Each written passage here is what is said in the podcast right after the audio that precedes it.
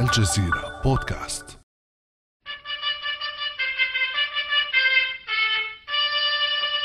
مشى خطواته الأخيرة أمام الكاميرا والماء يتجاوز ركبتيه مجسدا معاناة السودانيين مع فيضان النيل الأعلى منذ مئة عام. نجوا بأرواحهم لكنهم فقدوا كل شيء تقريبا إلا صبرهم على عظيم الابتلاء. يتمسكون بأهداب الأمل في انجلاء سريع لآثار الكارثة ليبدأوا في بناء حياتهم من جديد. أسامة سيد أحمد الجزيرة من منطقة أم دوم شرق الخرطوم. أكثر من مئة شخص لقوا حتفهم. أكثر من مئتي ألف فدان زراعي أصبحت خارج دائرة الإنتاج جراء الفيضانات. آلاف المواشي نفقت عشرات آلاف المنازل والمتاجر تضررت. حالة طوارئ لمدة ثلاثة أشهر. من قلبي سلام للخرطوم. فيضانات السودان. انطلقت الوسوم على وسائل التواصل الاجتماعي ومع ذلك ظل السودانيون يشتكون من غياب التغطية الإعلامية الكافية. فما مظاهر التجاهل الإعلامي الذي تحدث عنه كثير من السودانيين؟ ومن يتحمل مسؤولية ضعف التغطية الإعلامية؟ وما انعكاساته على تدفق المساعدات إلى المتضررين. بعد أمس من الجزيرة بودكاست أنا خديجة بن جنة.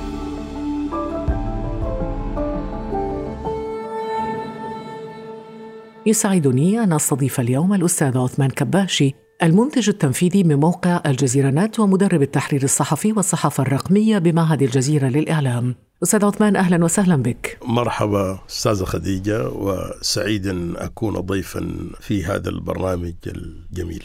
شكرا جزيلا. أستاذ عثمان دعنا في البداية نسأل عن مظاهر ما سماه السودانيون تجاهلا إعلاميا لكارثة الفيضانات. هل هناك فعلا تجاهل أو تقصير إعلامي؟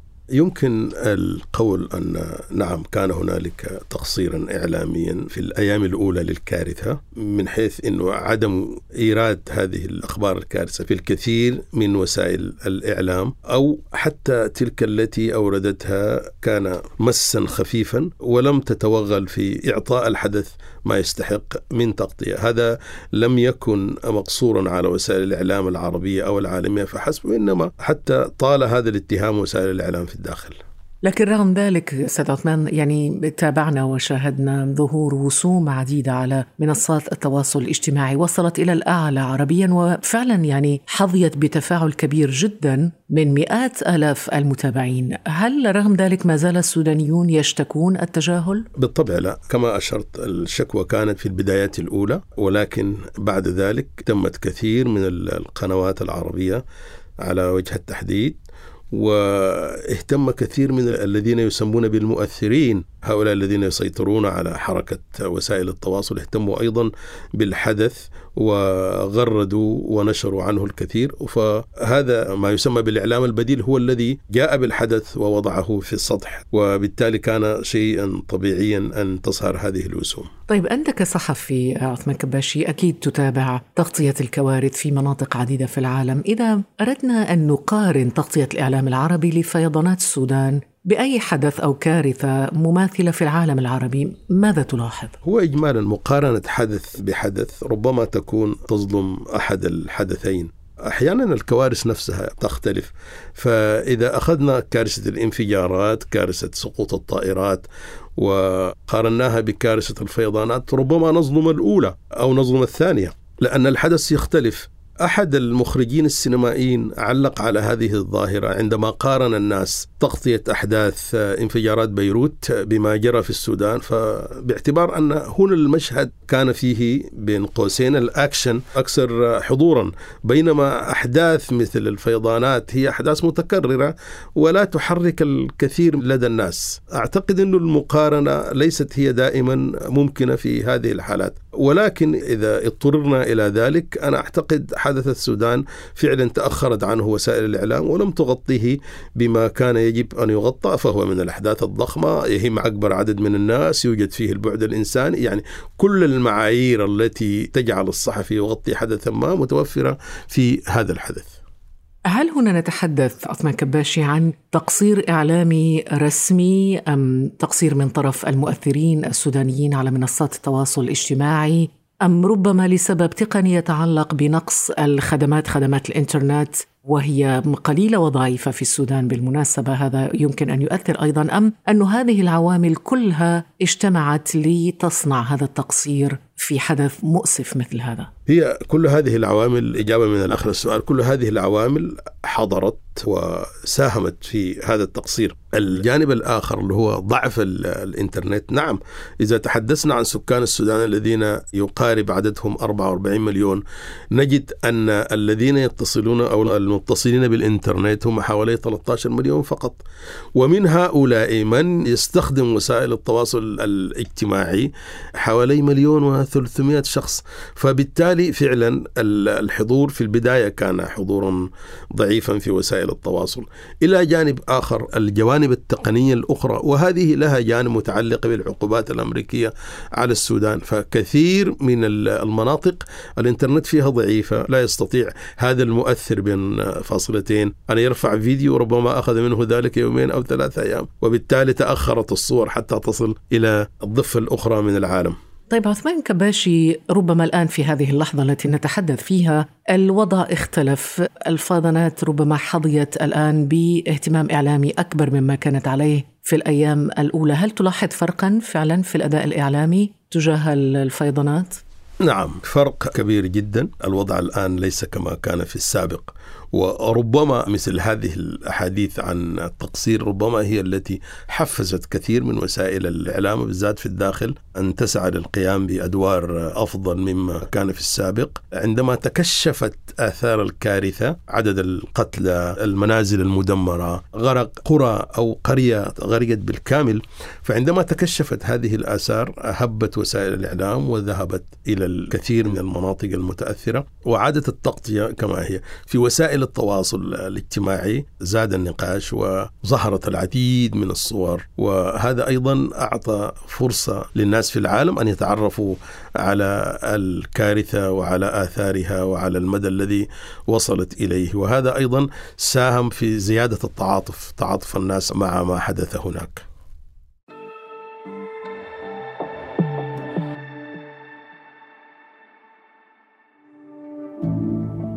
اشترك في بعد أمس لتصلك الحلقات يوميا عبر تطبيق بودكاست. تواصل معنا عبر صفحات الجزيرة بودكاست على فيسبوك تويتر وإنستغرام.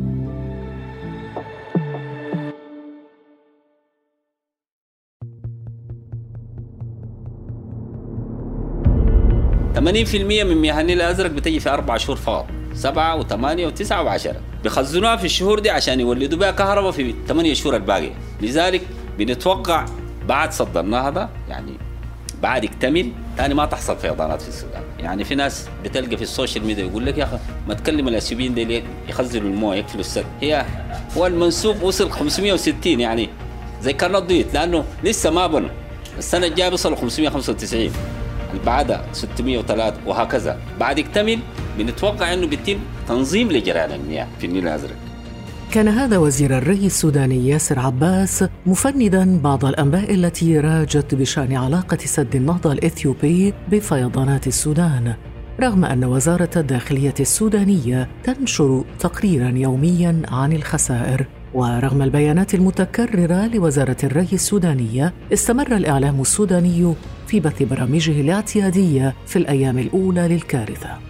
وهو ما دفع كثيرا من السودانيين إلى انتقاده على وسائل التواصل الاجتماعي وتحميله جزءا من المسؤولية عن تجاهل الكارثة في أيامها الأولى. عثمان كباشي يعني أكثر من مراقب لاحظ انه الإعلام السوداني لم يقطع برامجه مصادره العادية لبث تفاصيل وأخبار هذه الكارثة، ألا يتحمل هنا الإعلام السوداني جزءا من المسؤولية ونتحدث عن الإعلام الرسمي؟ نعم يتحمل جزءا كبيرا جدا من مسؤولية غياب التغطية الإعلامية لهذه الكارثة، هذه الكارثة التي كما أشرت أضرت بالكثيرين جدا والتي لم يكن قد حدثت كارثة شبيهة لها فيما يتعلق بفيضانات النيل منذ مئة عام، نعم تأخر الإعلام الرسمي وعندما كان الناس يموتون وكانت بيوتهم تتهدم بسبب الفيضانات كانت التلفزيونات وخاصة تلك التي تتبع إلى الدولة تبث مسلسلاتها وأغانيها وكأن لم يكن هنالك. ما يجب أن تغير له التغطية، هذا الحدث كان يجب أن تتغير له سياسة البلد كلها، دعك عن سياسة سياسة تحريرية في التلفزيون أو في الإذاعة أو في الصحف. التقصير الأول كان تقصيرا رسميا. التلفزيون الرسمي والذي كان يمكن أن تنقل منه وسائل الإعلام الأخرى لم يهتم كثيرا بهذه الأحداث. ولم ينقلها ولم يرسل المراسلين إلى هذه الأماكن، ربما تكون كثير من الفضائيات العربية سبقت التلفزيون الرسمي في الوصول إلى هذه الأماكن، جانب آخر المسؤولين ونحن نعرف أن الأسماء هي التي تصنع الأخبار تأخروا في الوصول إلى أماكن هذه الأحداث. ولو كانوا وصلوا وقابلوا الناس وظهرت الصور وأطلقوا هم التصريحات لكانت نقلت إلى وسائل الإعلام الآخر. هذا نوع من التقصير. عثمان كباشي إلى أي مدى إذا يمكن تحميل الحكومة السودانية مسؤولية هذا التقصير في كل ما يجري؟ في جوانب عديدة وإذا أخذناه مقروءا مع ما نتحدث عنه موضوع الغياب عن وسائل الإعلام غياب الرموز عن هذه الأحداث هو اللي تسبب في غياب الأحداث عن التغطية أو عن تغطية وسائل الإعلام. نعم الحكومة قصرت فكثير من المسؤولين يعني لم يسجل زيارات إلى أماكن هذه الكوارث إلا بعد وقت وحتى هذه الزيارات كانت خفيفة. لم نشاهد مسؤولا زار كل المناطق إنما ربما يكون زار منطقة واحدة. الزيارات كانت قليلة هذا جانب.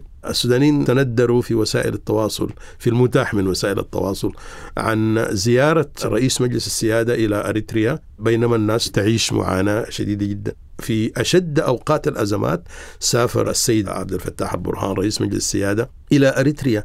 وكان الناس يقولون أن في مثل هذه الأحداث المسؤولين يقطعون زياراتهم حتى وإن بدأوها يعني. فلماذا يسافر رئيس مجلس السيادة وهو أعلى منصب في البلد؟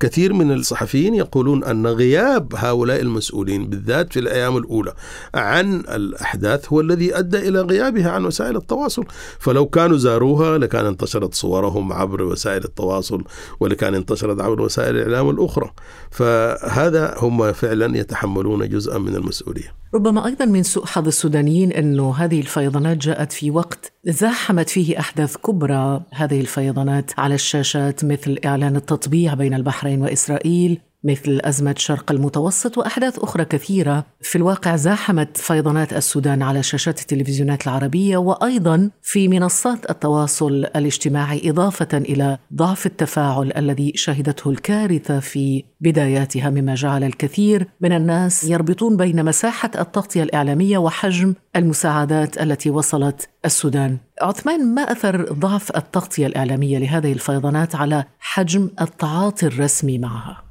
طيب هو فقط أشير لغرف الإخبار بالتأكيد أجنداتها ولها سياستها التحريرية وأن تقدم هذا الحدث وتؤخر هذا الحدث. هذا حدا بزملائنا في معهد الجزيرة للإعلام أن أقاموا ندوة تحدثوا فيها عن هذه الأجندات ومدى تأثيرها على فيضانات السودان.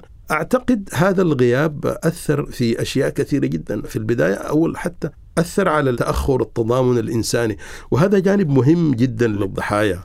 أن يجدوا التضامن من أماكن أخرى. أيضا ساهم في تأخر وصول المعونات، كل الكوارث مثل ما حدث في السودان تحتاج معونات من الناس وربما لا تستطيع الحكومة لوحدها أن تواجه هذه الكارثة، وبالتالي غياب التغطيه الإعلامية هو غيب التضامن العالمي أو أخر التضامن العالمي وأخر الاستجابة التي يجب أن تحدث في مثل هذه الظروف. نعم، يعني انعكس على المساعدات الخارجية للسودان. نعم، نعم، وتأخرها حتى ربما قلتها لأنه إذا كانت التغطيه عن خسائر كبيرة وكذا فالمتوقع أن تكون الاستجابة بناء على هذه التغطية. طب أنت ما تقييمك بوجه عام لتدفق هذه المساعدات من العالم العربي للسودان؟ أنا أعتقد المساعدات بالذات في العالم العربي كانت مساعدات رائعة جدا وتحدث عنها السودان. مثلا إذا جاز لي أن أشير إلى أحد الأمثلة ما شاهدناه هنا من تفاعل جمعية قطر الخيرية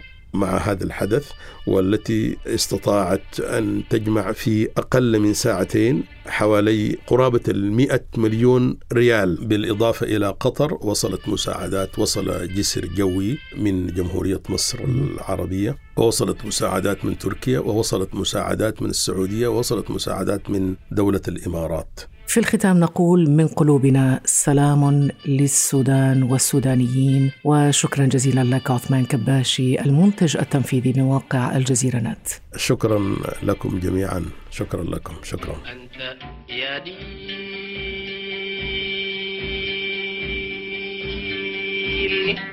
أنت يا دين.